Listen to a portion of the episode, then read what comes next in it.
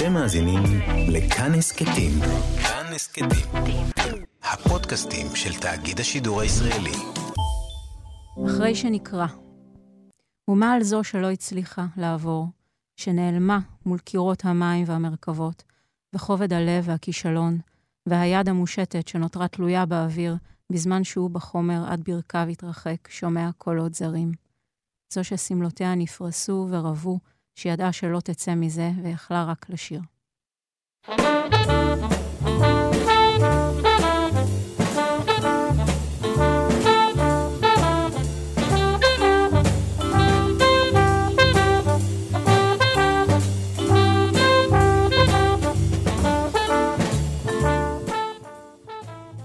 שלום וברוכים uh, הבאים והבאות לברית מילה. אנחנו בתוכנית ראשונה אחרי הסגר השני.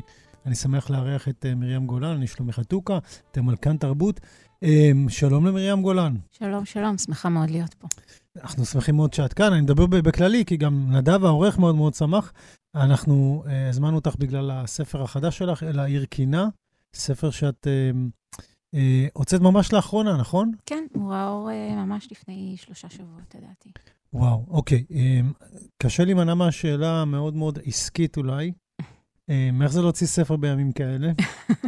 אוקיי, יש שתי, אה, שתי תשובות על זה. קשה, כי קודם כל, הספר, אמ, כתיבתו הסתיימה משהו כמו לפני שנתיים, והוא פשוט ישב והמתין אה, שאני אוציא אותו. יש, אה, מבחינת האימפולס שלי, כאילו, הכתיבה אצלי היא מאוד מהירה, ואחר כך אני צריכה קצת זמן...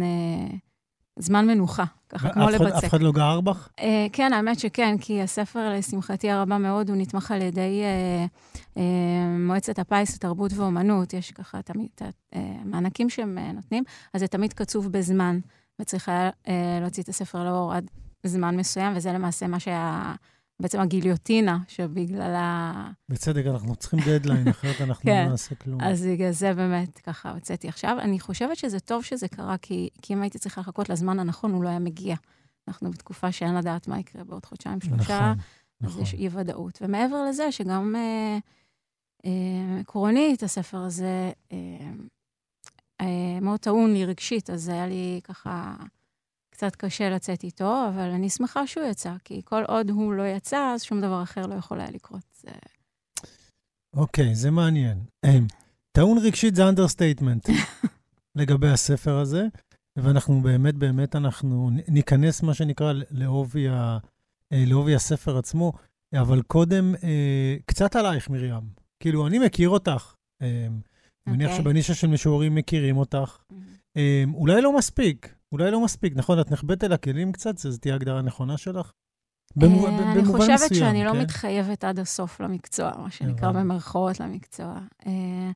הספר הראשון שלי ראה אור לפני ארבע שנים, שזה יחסית אה, ספר שלקח לו המון המון זמן לצאת. הראשון. זה הספר הראשון, הוא ראה אור לפני ארבע שנים, הוא נקרא ללמרי. אה, ואני התחלתי לפרסם שירה בשנות ה-20 של חיי, ממש המוקדמות, שזה המון המון, לפני המון המון זמן. אה, ונמנעתי מאוד מלפרסם ספר.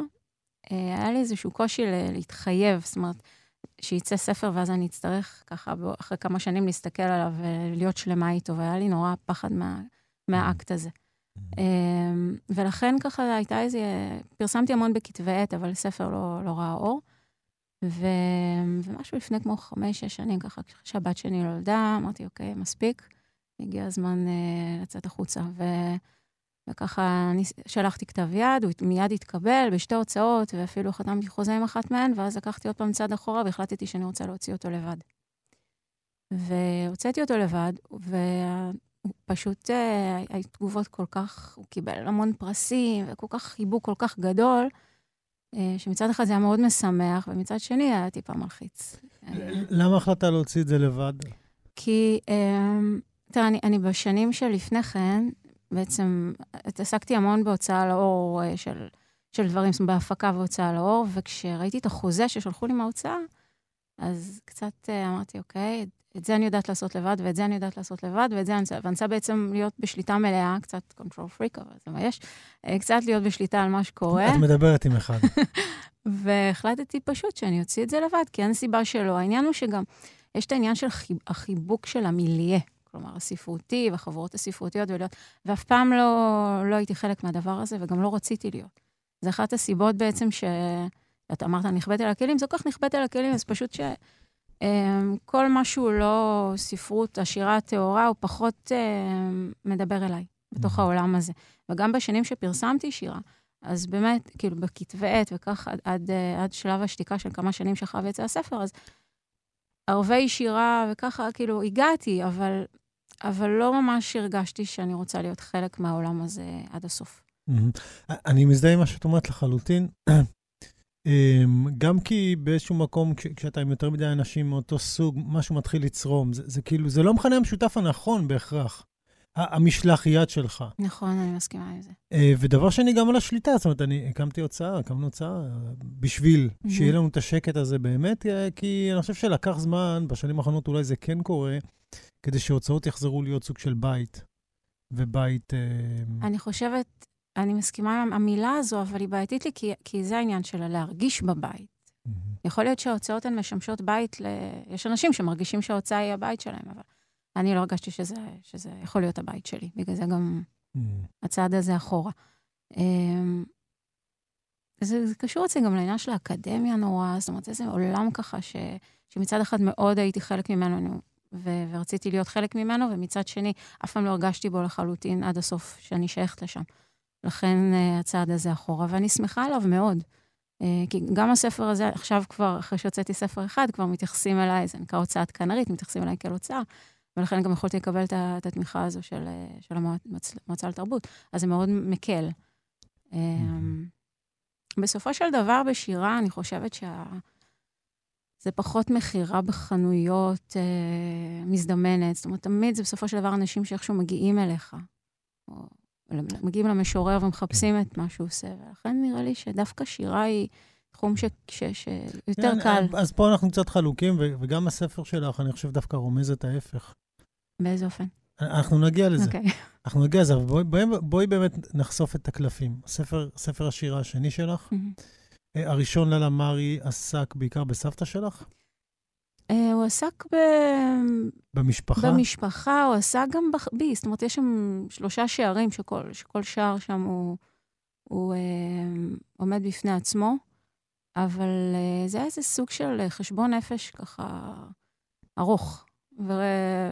וכאילו, הוא קיבל את השם של, של השיר המרכזי, שהוא, שהוא שיר דווקא על סבא שלי, שנקרא לאלה מארי. אבל זה באמת איזה סוג של פרוס, רטרוספקטיבה על עצמי, איזה סוג של ארגון מחדש של, של, של הזהות, אני חושבת, שזה בעצם, בסופו של דבר, זה מה שמעסיק אותנו רוב הזמן. והנה השיר הזה נפתח ב... שזה השיר הקצר שהקט אותו בתחילת התוכנית. ואני אגיד לך מה הייתה האסוציאציה שלי. אוקיי. Okay. האסוציאציה שלי הייתה שירת הים. זו אסוציאציה נכונה מאוד. כן, אבל אחרי זה ראיתי שיש גם התייחסות לאופליה. נכון. השיר okay. הזה הוא בעצם, הוא... אני ראיתי מישהי ששרה כשהיא לא ניצלה.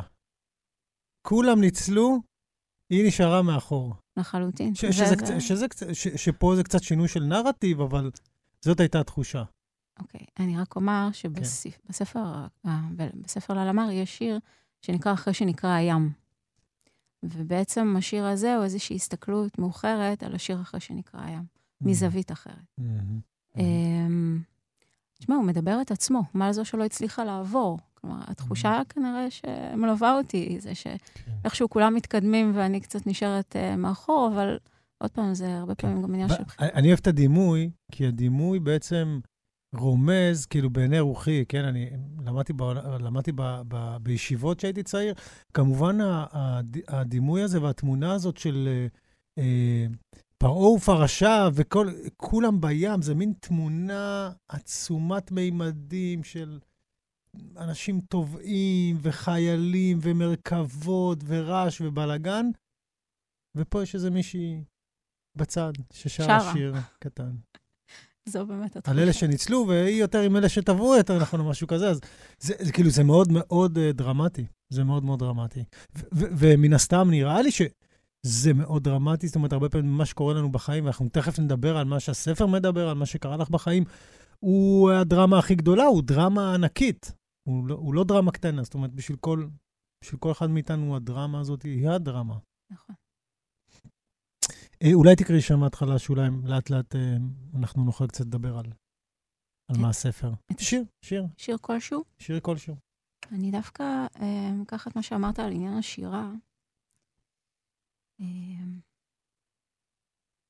ונקרא שיר שנקרא אישה לבד שרה בלילות. אחרי שכולם נרדמים, היא מתחילה. לפעמים כל המים מכסה, ובכל זאת בשקט מתחילה משהו בוקע, ניצן, ראשית, מושכת עד שפוקע, וכבר לא משנה המים והשינה והשכנים. לפעמים בחדר המדרגות, שלום שלום, כפוי, מבוהל, אולי הם שומעים אותה בלילות, והמבוכה על מה? על הימים ההם החשיכים, או על הלילות הללו שקולה. הם לא מביטים בה, נגועה כמעט. אני לא מדבקת, היא רוצה לתקוע בהם פגיון, שישירו מבט. אני לא מדבקת, אישה לבד, בעצמי קראתי. אישה לבד שרה בלילות.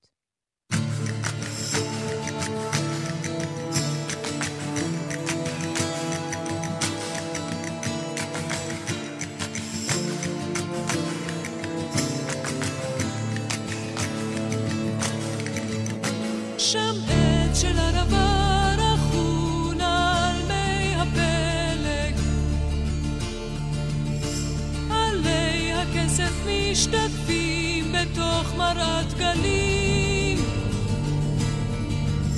לשם נסעה זרים פרחי אפור ותכלת. זרי סרפד ומרגנית. וסחלבים סגולים.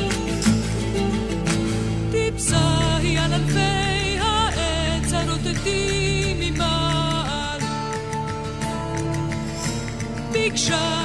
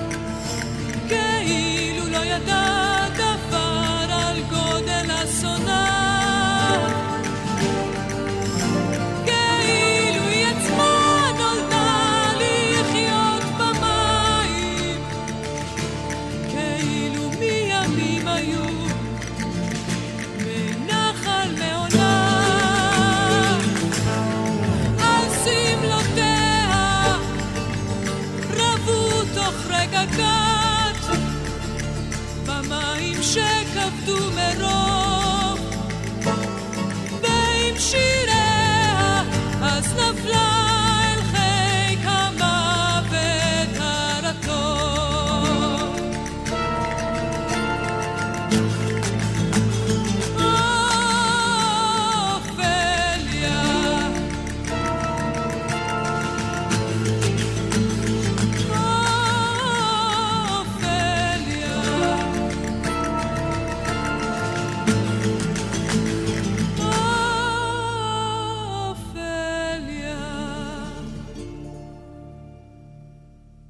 אנחנו עם מרים גולן, אני שלומי חתוקה, אתם על ברית מילה.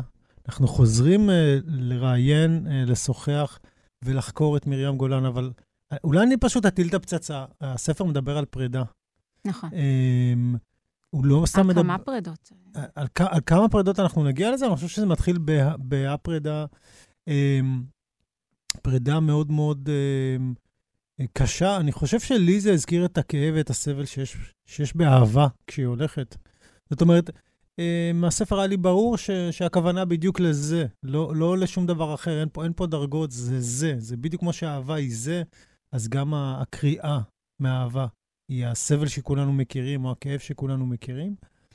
אמ, והמהלך שלך בפנים הוא מהלך שש, ששווה לדבר עליו, אבל אמ, אני חושב ששווה קודם כל לשאול את השאלה על, על כמה היה לך קל לשים במרכז. כן, את יודעת, יש, יש פרידות שהן... אה, את אמרת שיש בספר כמה פרידות, נכון? אבל פרידה אישית אמ, וחשיפה כזאת של הכאב, ולפעמים ההרגשה שהזניח, שזנחו אותך או משהו כזה, אמ, זה היה בשבילך קל, או שבגלל שאת אומרת שאת משוררת, זה היה בשבילך הכרח, כי את אדם ששר? אין, אין ברירה. זה לא וולונטרי. השירים האלה הם, הם... אני חייבת להגיד ש, שאולי יש כל מיני uh, מודוסים של כתיבה. יש כל מיני אנשים, כל, כל מיני יוצרים, יוצרים שונים כותבים בדרכים שונות. Uh, ואצלי זה uh, מגיע, לא, לא מזמנת את זה. זאת אומרת, כשזה בא, זה בא, אני גם לא, אני יודעת שיש פר, כל מיני פרקטיקות, כמו, פעם הייתה לי שיחה עם ארול שימל, והוא סיפר לי על חבר, שאז דני סילק, שהוא מכריח את עצמו לכתוב שיר אחד ביום. ואני לא שם, זאת אומרת, אני לא מבקשת את זה, זה, כשזה בא, זה בא. ואני חושבת שהספר הזה, בהרבה מצ... מובנים, הוא היה הכרחי בשבילי באותה תקופה לעבור את זה. זאת אומרת, זה ש... רוב השירים נכתבו כזה בשתיים בלילה, אה, באמת בחוסר, ממש מחוסר, אה, כאילו, חוסר יכולת לא לכתוב אותם. אה, אז לא היה פה עניין של בחירה אם לשים במרכז או לא לשים במרכז. אה, אני חושבת שגם העניין של הקראפט בשירה שלה, ליצור את השיר, הוא פחות אה, נוכח אצלי, במובן הזה ש... שאני... אה, שזה כאילו מגיע יש מאין. זאת אומרת, אה, לכן גם לא היה עניין פה של אה, אם אני שמה את זה או לא שמה את זה, כי, כי זה לא היה כל כך בשליטה בשום אופן. בכל... בדרך כלל זה מין שאלה שיוצא לי לשאול פה ושם, כי שוב, בשירה, אה, הדובר הוא בדרך כלל אנחנו. וכל פעם אני מוצא שהשאלה הזאת היא רלוונטית לעוד, לעוד ספר, לעוד ספר, לעוד ספר. זו שאלה שאני מתעניין בה בעצמי, כי באיזשהו מקום, אה, החיים שלנו, אה, כשהם מגיעים לשירה, אז פתאום הם מקבלים חיים אחרים. הם מקבלים גוון אחר, הם מקבלים צבע אחר, הם מקבלים משמעות אחרת. זאת אומרת, אותם מעשים שהופכים למילים, אם לדבר באיזושהי פרפרזה נגיד, mm-hmm. את כותבת על, ה, על החיים שלכם שהחלום הפך למציאות, ואז הוא חזר להיות חלום. Mm-hmm.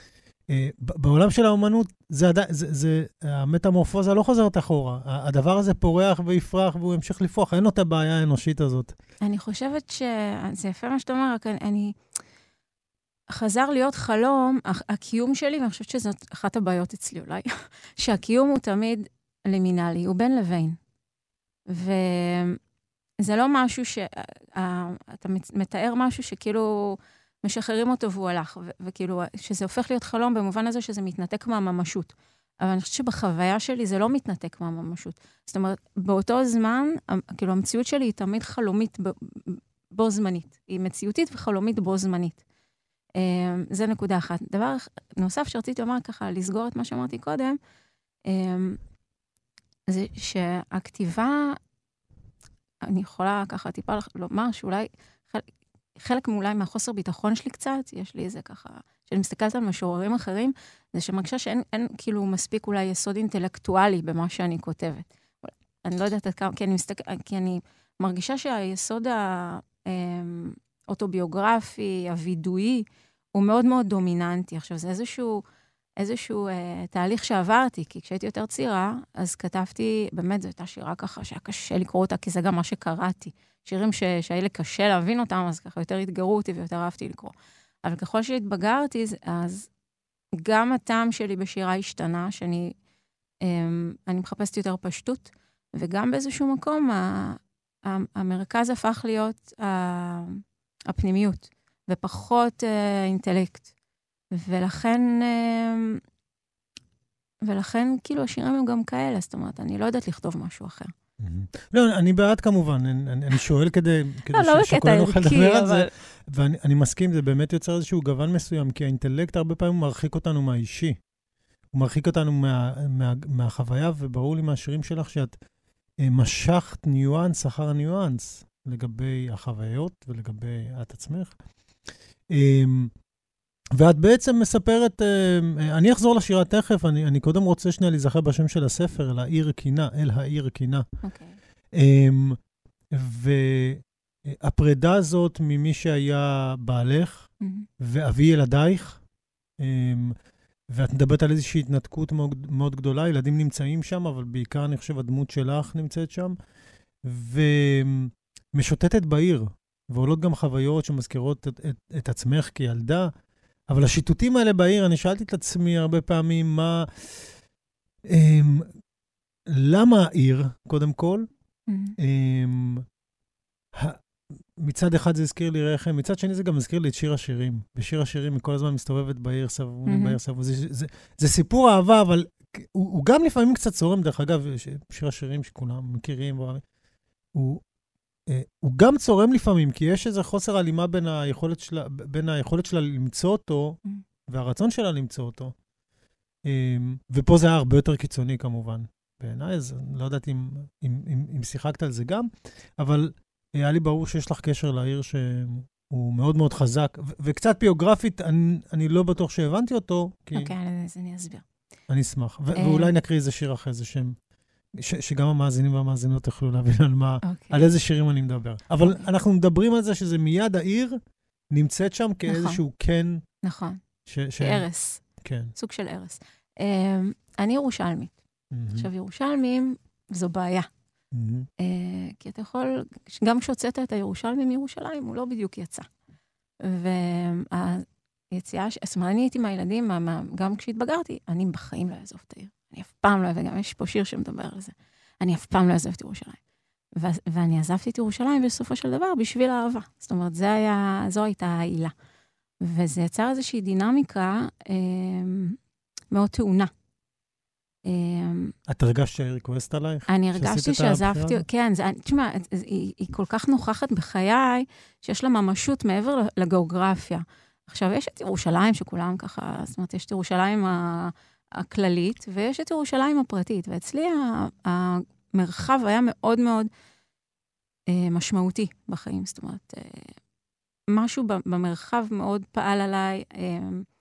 אה, גם הכתיבה, גם, גם בספר הקודם, אגב, יש נוכחות לעיר. זה, יש, שיר, יש שירים על העיר. הנוכחות הגיאוגרפית היא מאוד, נקרא לזה מרחב, politic space, מדברים על זה הרבה, מאוד נוכח אצלי, גם, בהתפתח, גם בבנייה של הזהות. והיציאה מתוך המרחב הזה, שבו נבנתה הזהות, היא, היא, היא הייתה מאוד דרמטית, כי המ, היצ, ה, מה שקרה, זה כאילו שהיה שינוי מאוד מאוד דרמטי, גם המעבר הגיאוגרפי, וגם הנישואים, וגם אה, מבחינת העיסוקים, דברים שהשתנו, וגם התשובה שלי, שהיא מאוד, אה, הייתה תהליך שהתחיל כמה שנים קודם, אבל הוא הואץ מאוד בשלב הזה. אז זה כאילו איזה קו פרשת מים ככה, ש... ש... שהיה מאוד דרמטי, כמעט פוסט כמעט טראומטי, כל המהפך הזה. אמ, ואני כל הזמן בדיאלוג עם החוויה הזו, ואני גם כל הזמן בדיאלוג עם העיר. עכשיו, באיזשהו מקום, אה, הפרידה הדרמטית הזו, כמה שהיא דרמטית בספר, הספר הוא, הוא, הוא נקרא לזה דקה, דקה בתוך יממה מאוד ארוכה. זאת אומרת, הוא, הוא מציג את הדברים ב, בשעתם. אמ, אי אפשר לומר שאני באותה, זאת אומרת, זה לא, הדברים משתנים. אנחנו הרי, אתה יודע, חיים ב, על קו לינארי, וכל רגע הדברים משתנים, גם מבחינה רגשית.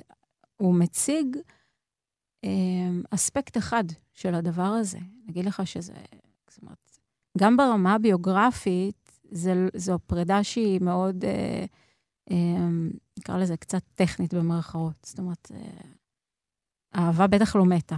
נגיד ככה, זה לא סוף האהבה. היה איזשהו שינוי מאוד קשה, שהוא בעצם אה, פירוק של בית לשני בתים שונים, אבל אה, אני חושבת שגם הסיבה שבסופו של דבר הספר, כן אני יכולה להוציא אותו, זה שאני כבר לא שם, Mm. ברמה הרגשית וברמה... העיר, העיר, אני רוצה לדעת, לעיר. את באמת, כאילו, אמרת, הרגשת כאילו ירושלים, מאוד. ש- עליי. אני הרגשתי שאפילו באיזשהו שלב, כאילו... היא אומרת לך, בואי תנוחי בין אה, צלעותיי. להפך, קודם כל זה היה התנכרות. זאת אומרת, אני כן. הרגשתי שהיא- עזבת אותי. שהלכת, ויש פה משפט, כאילו, אומר, אה, כן. שהיא לא, לא, לא נחמדה למי שעוזר. אמ, אבל בסופו של דבר זה כמו אימא, היא מקבלת אותך בסוף. שברגעים- ושיר השירים היה בירושלים, כאילו, זה, זה, זה ממש כאילו איזשהו שחזור מאוד מעניין. אה, אנחנו צריכים לקרוא קצת שירה. אוקיי. אמ, אז אני אשמח אם תבחרי שיר שקצת קשור למה שדיברנו עכשיו. בדרך אל העיר. בדרך אל העיר אני נועלת את הדלתות. עמל חייתי שותקת תחת האבן. אישה בת ארבעים, לב שבור, שני ילדים מאחור, לא משערים. מה אומר עליהם, עמכם בלידתכם, עמכם בלידתכם. היפה בשירים שמעו ליבי, ולא שכח. ביום ההוא לא אמרתי מילה. חשבתי שאתה שומע, חשבתי שאתה שומר. לאן שהלכתי, באתי אליך. שער יפו, המדרכות שלי, מבואה קרירה, באתי אליך. והיא, שראתה אותי, בעוניי, בעווני, קונה עולמות באוויר, אין לה מידת החסד. היא מניחה לי להתנפץ ולהתנפץ. בדרך אל העיר אני נועלת את הדלתות. צריכה המסגדים מנקדים את הלילה. קח את כל חיי, אך את היום הזה השב לי. ביום ההוא לא דיברתי עם איש מלבדך. עם איש מלבדך. לאן שהלכתי, באתי אליך. חשבתי שאתה שומע. חשבתי שאתה שומר. כשאישה מדברת על שומרים בירושלים, יש לזה רק קונוטציה אחת. אמ, אנחנו נדבר על שירה עכשיו. אמ, באמת חלק, אמ, אה, חלק מ... אה, ניכר מהספר, הוא, הוא, הוא באמת בשעה הזאת, באמת, בשעה המאוד מאוד קשה הזאת, שאפילו קשה לעכל את, אני חושב, את הקריאה הזאת, כי, כי זה באמת מרגיש כמו קריאה. קריאה בעין. בעין, כן. אני שקלתי לקרוא ככה לספר, Mm, ואז ה- איתם הגרפיקאי שלי אמר לי, אני לא אקרא ספר שקוראים לו קריאה. כן. אוקיי, אז מזה. אז תמיד יש את הסיפורים עם הטכנאו, ה סאונד או ה... אמ, שנותנים עצה טובה, זה חשוב. כן. אמ, ומשהו אמ, שהתגלה בספר זה באמת שירה, אנשים שרים, אנשים שרים שם. אם זו שירת הים שמוזכרת בהתחלה, אם זה שיר השירים שנמצא בתוך כל השיטוטים בעיר, אם זו את עצמך ששרה אחרי שהילדים ישנים ומפחדת שהשכנים אותה. ישמעו אותה, והיא לא יודעת אם אחרי זה הם לא יסתכלו כי היא מזייפת או כי לא נעים להם פתאום ממשהו שקרה. אמ, מי שרה בשוק? מי שהיא שרה בשוק זאת אימא. סבתא. סבתא, סבתא שרה בשוק. אמ, יחיאל שר במכולת. נכון. והציפור, הציפור. בשילוח הקן. זה, אני חושב שזה קטע יפה בכל הספר, ש... ש... שזה לא משנה אם זה כאב או שמחה, בסוף, בסוף בקודקוד יש את השירה, ואולי בסוף זה, זה, זה שאתה שר לעצמך ברגעים האלה של הכאב, וזה כמעט מובן מאליו, כאילו כל הכאב הזה בעולם נוצר כדי שתהיה שירה. אני, אני כמעט מעז להגיד משפט שהוא... אה, כי, כי את גם דיברת על אמונות, ואת יודעת, העולם הזה קצת בנוי מאמונות שאנחנו לא תמיד, אנחנו יכולים להרגיש אותם, לא בדיוק להבין אותם. אבל שכאילו השירה בסוף היא ה... היא העילה והתכלית. כן, לחלוטין. את מרגישה ככה. לחלוטין. אוקיי. זה, זה, תשמע, זה מלווה אותי לכל אורך הדרך. אני יכולה גם לומר ש... אמ, השירה אצלי, השירה הכתובה, יש לה לגיטימציה. כלומר, אה, תמיד כתבתי, עוד בילדות, ו- וככה זה הפך להיות אצלי מאוד טבעי, ולא היה לי שום בעיה עם זה. השירה הווקאלית, זה ה... ה... הפצע, נקרא לזה ככה. אמ, ולכן אני חושבת שבהרבה מובנים היה איזשהו, באיזשהו מקום השירה הכתובה הייתה איזשהו תחליף, או נקרא לזה איזושהי, אני מחפשת איזשהו מונח פסיכולוגי שמתאים לזה. אמ, הייתה איזה, איזה סוג של, אה, נקרא לזה סובלימציה, לא יודעת, איזשהו עידון למשהו שרציתי מאוד, אמ, שתמיד בער, אבל לא קיבל מימוש. ולכן. אצלי, כשאני מדברת על השיר, אז זה גם לשיר בפיזיות, לשיר בקול. כן, על זה אנחנו. מדברים, על זה אנחנו כן, מדברים. כן, שרים, לכן, כן. אז החיפוש או השאיפה היא כל הזמן לשם. אמ, ויש פה איזה עניין של, אה, של השמעת קול שהיא, שהיא מוחלטת, ולכן גם אופליה. אמ, הסיטואציה הזו שברגע, ברגעים הכי קריטיים והכי משמעותיים של החיים, הביטוי המוחלט, הטהור של, ה, של הנפש, של הנשמה, של הנפש, של הרגש, של הכל, זה, זה, זה השירה. אמ, וזה משהו ש, ש, שחוזר שוב ושוב. והאזכור הזה ש, של הציפור, מן הסתם, כי הציפור נתפסת אצלנו, החיה ששרה, היא, שרה בעצם אה, כל הזמן. וכאילו, אה, כשאני חושב על כל הדמויות האלה שרות, הרבה פעמים באופן מאוד, מאוד uh, ספונטני. כן, ספונטני, זה בא, הן מרגישות את זה באותו רגע, זה יוצא. Um, ויש אולי משהו בציפור, בציפור שהוא כמו... הציפור היא כזאת כי היא שרה, היא, היא קלה. זה הטבע שלה. היא קלה והיא, והיא קלילה כי היא שרה. Mm-hmm. איך הולך עם השירה? בעצם את המשפחה ששרה, כשאני חושב על זה, הרבה אצלכם שרים, לא? זה... כן, זה... זה... אה... אני חושבת, תראה... אגב, אה... אני לא יודע אם זה המקום להזכיר שבן זוג שלך הוא בעצמו כן. זמר, והוא דווקא לא שר בספר. זה איזושהי דמות שבקושי מדברת. אני מזכיר את זה כי לי זה יצר תמונה מאוד מעניינת מבחינת הספר. ברור שיש לזה משמעות, מן הסתם, כן. אה, זה נוכח. אה, תראה,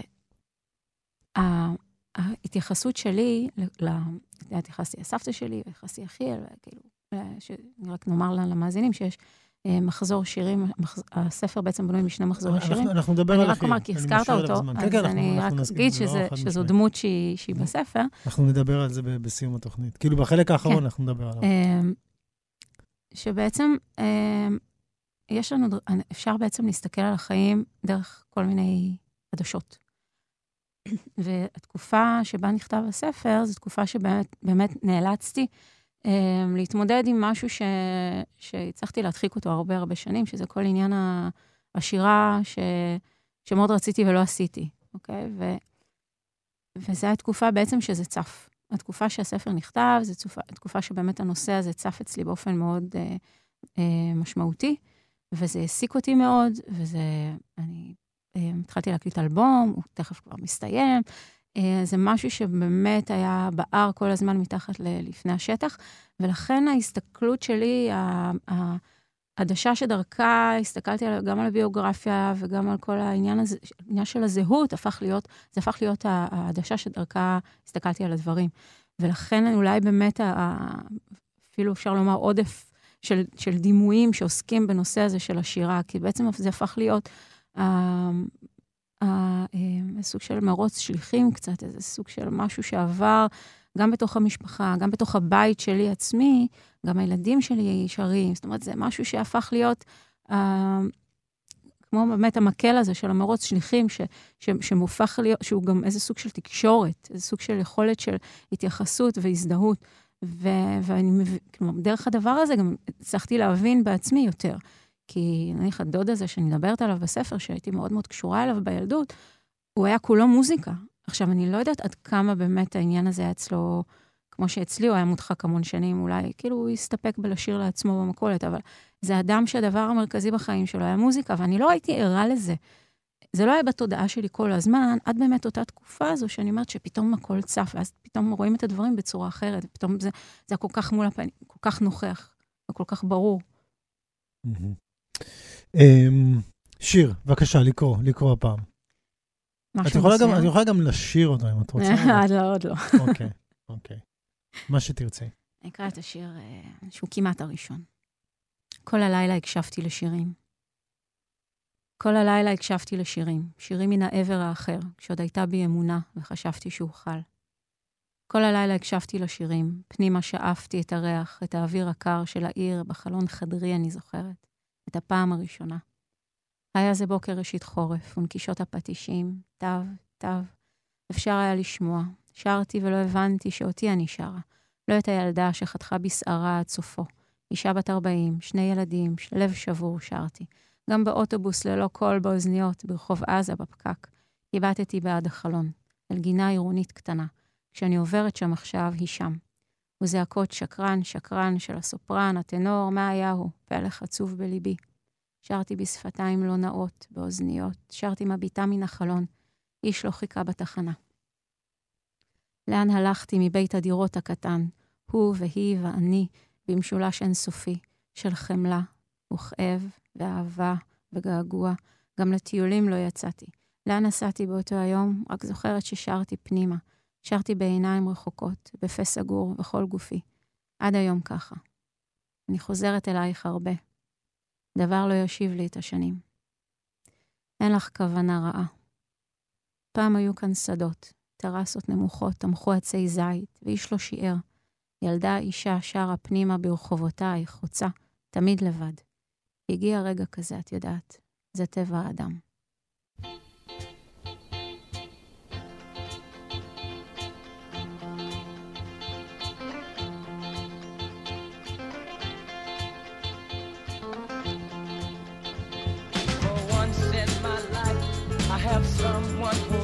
Somebody.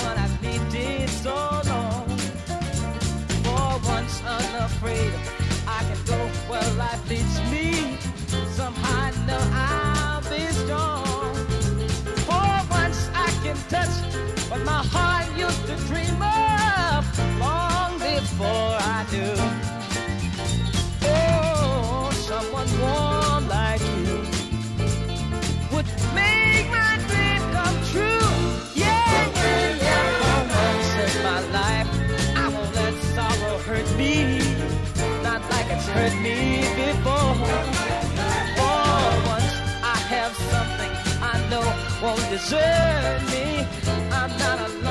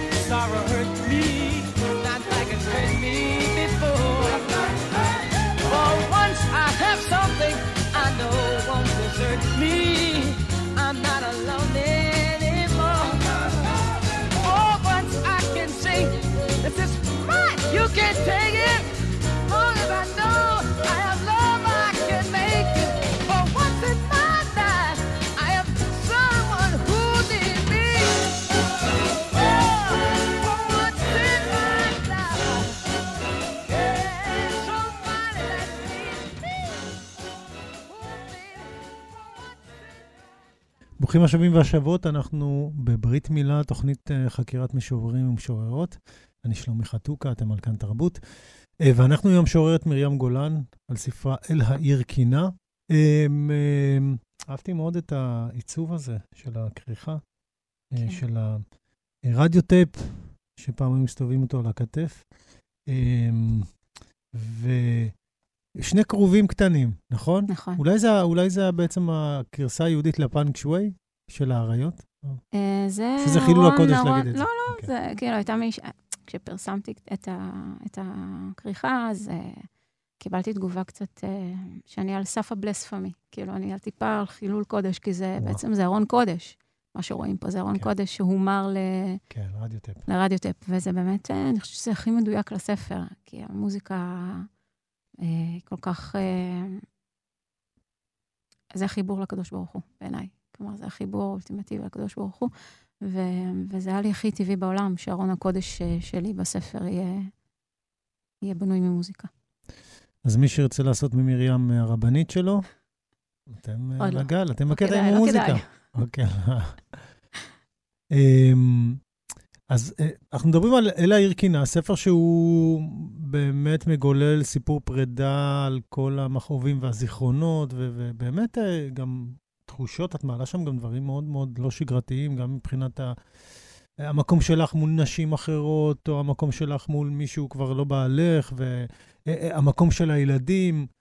אמ, ובסוף הספר מגיע מחזור אחר, שהוא לכאורה מחזור אחר, שנקרא רך יחיה. מהמם.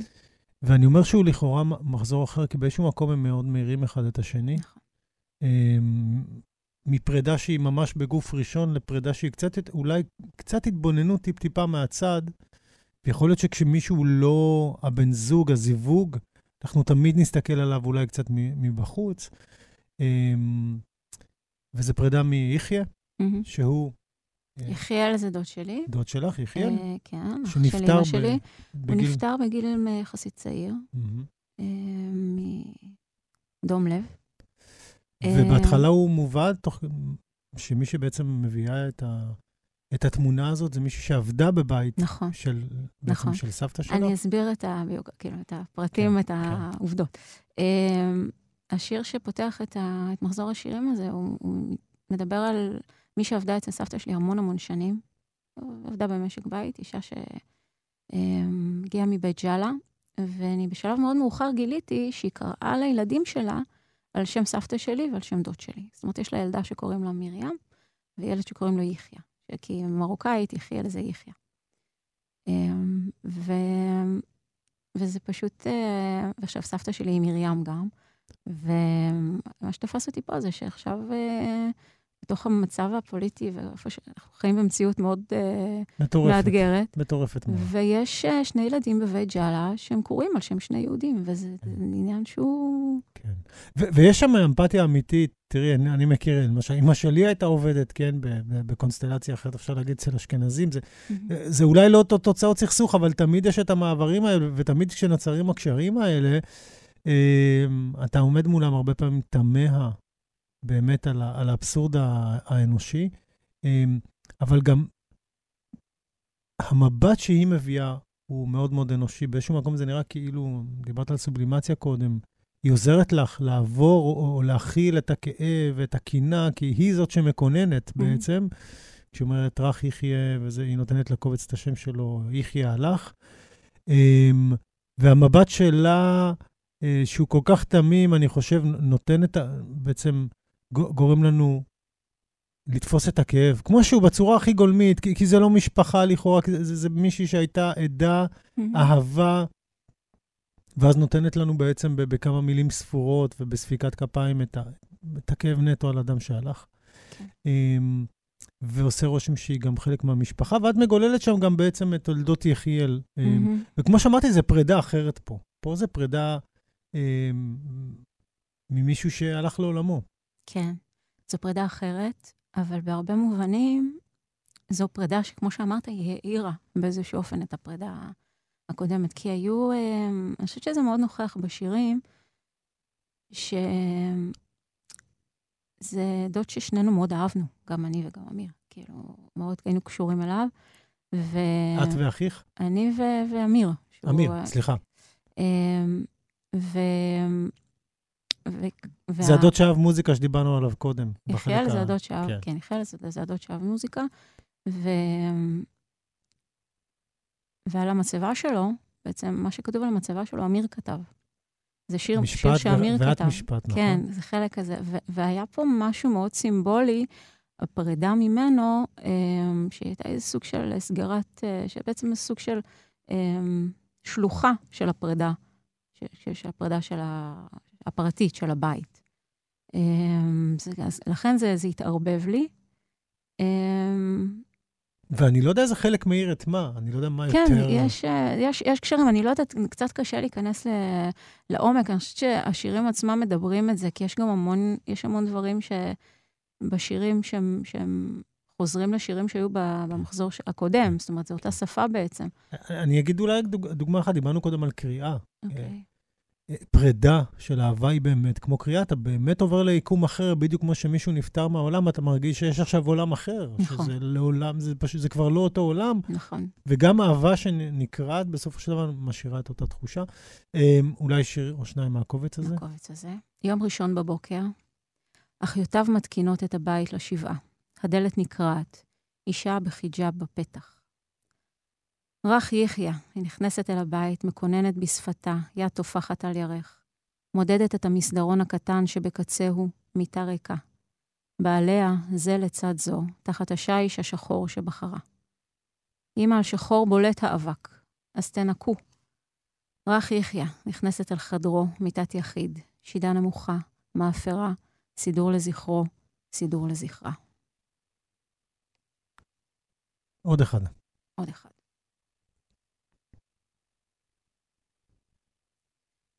מזל שסבתא מתה.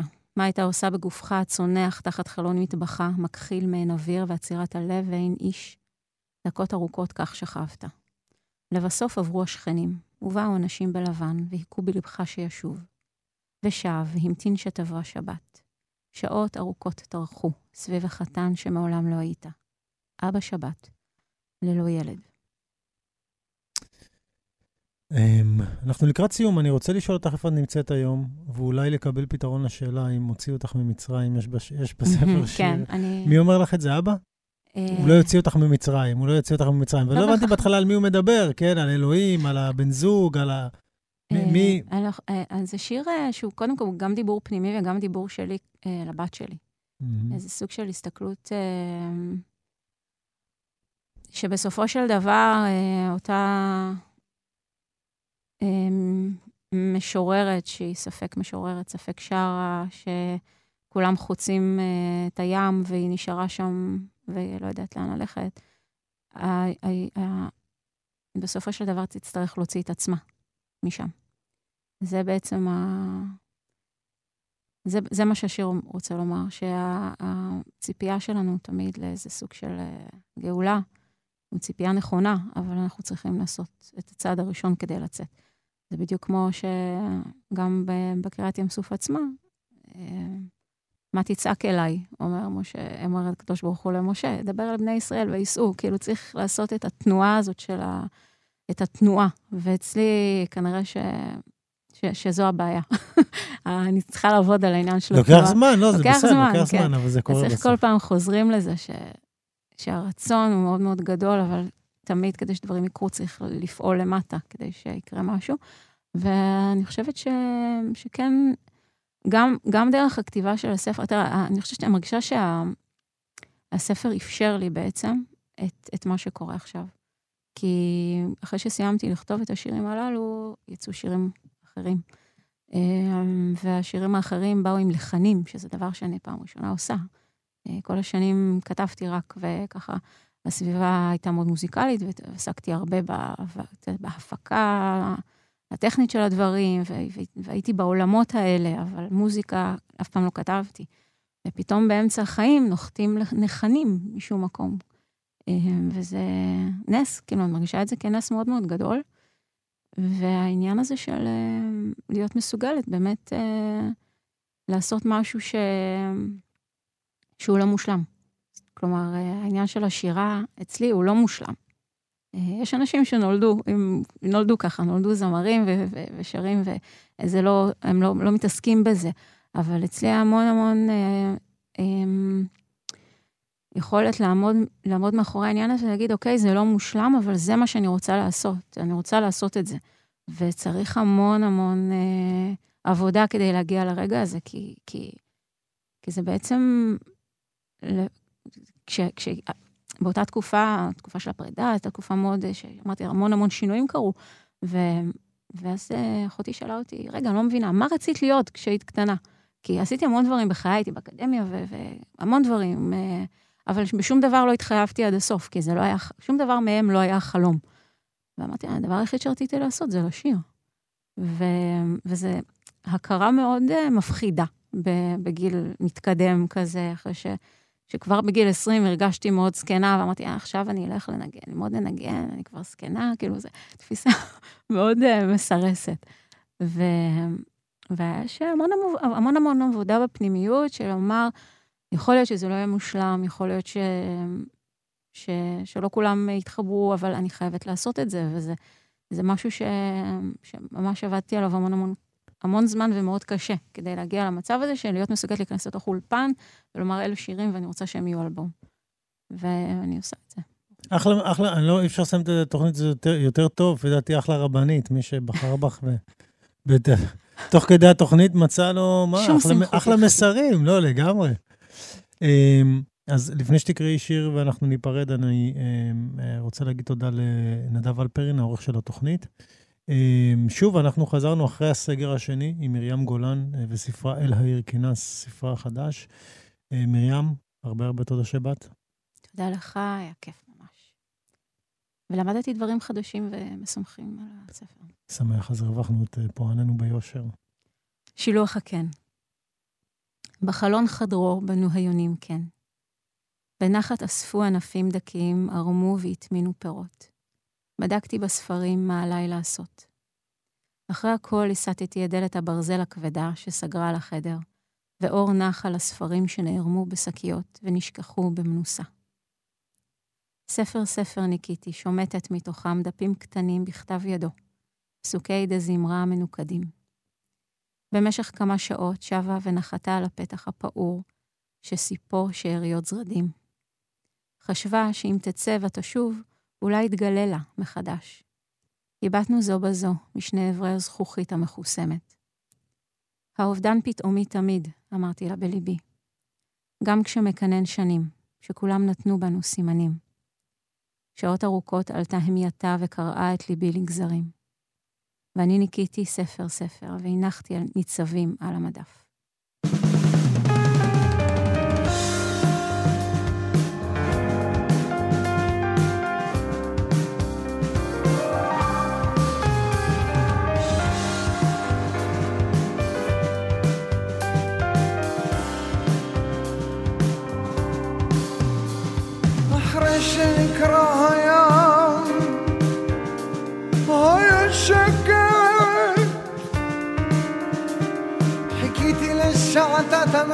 המרכבות שתעלה במרדף, לליצן שיפרוץ מן הקופסה, לערת הארורה שתיקח אותך ממני באבחה, בדיוק כמו שפתח. עם העיניים התמונות של ילדותי שהייתה כבר אז אחרי שנקרא הים ניערת את האבק מעל ברכך שתי גומות של קודש בעבר החזרת אותי הביתה. אחרי שנקרא ים ניערת את האבק מעל ברכך כן. מותיר שתי גומות של קודש בעבר החזרת אותי הביתה. ובבית הזה אני נודדת ארבעים שנה ביום. מחכה שיאמר לך ליסה שתשיב אליי את הריח שאתה מודד לי כמצווה שהזמן גרמוני מבינה. את האימה שלהם במדבר כל כך הרבה טוב לא יתואר. איך אפשר להכיל את כל הים המתוק הזה אחרי שנקרא הים ניערת את האבק מעל ברכך. מותיר שתי גומות של קודש בעפר החזרת אותי הביתה כן. אחרי שנקרא ים ניערת את האבק מעל ברכך. מותיר שתי גומות קודש בעפר החזרת אותי הביתה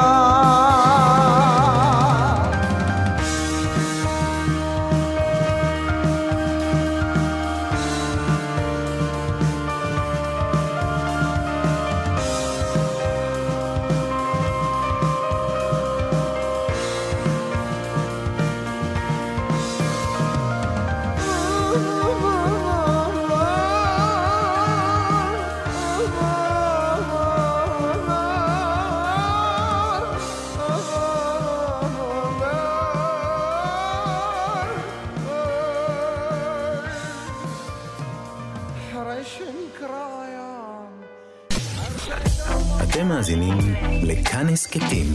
כאן הסכתים. הפודקאסטים של תאגיד השידור הישראלי.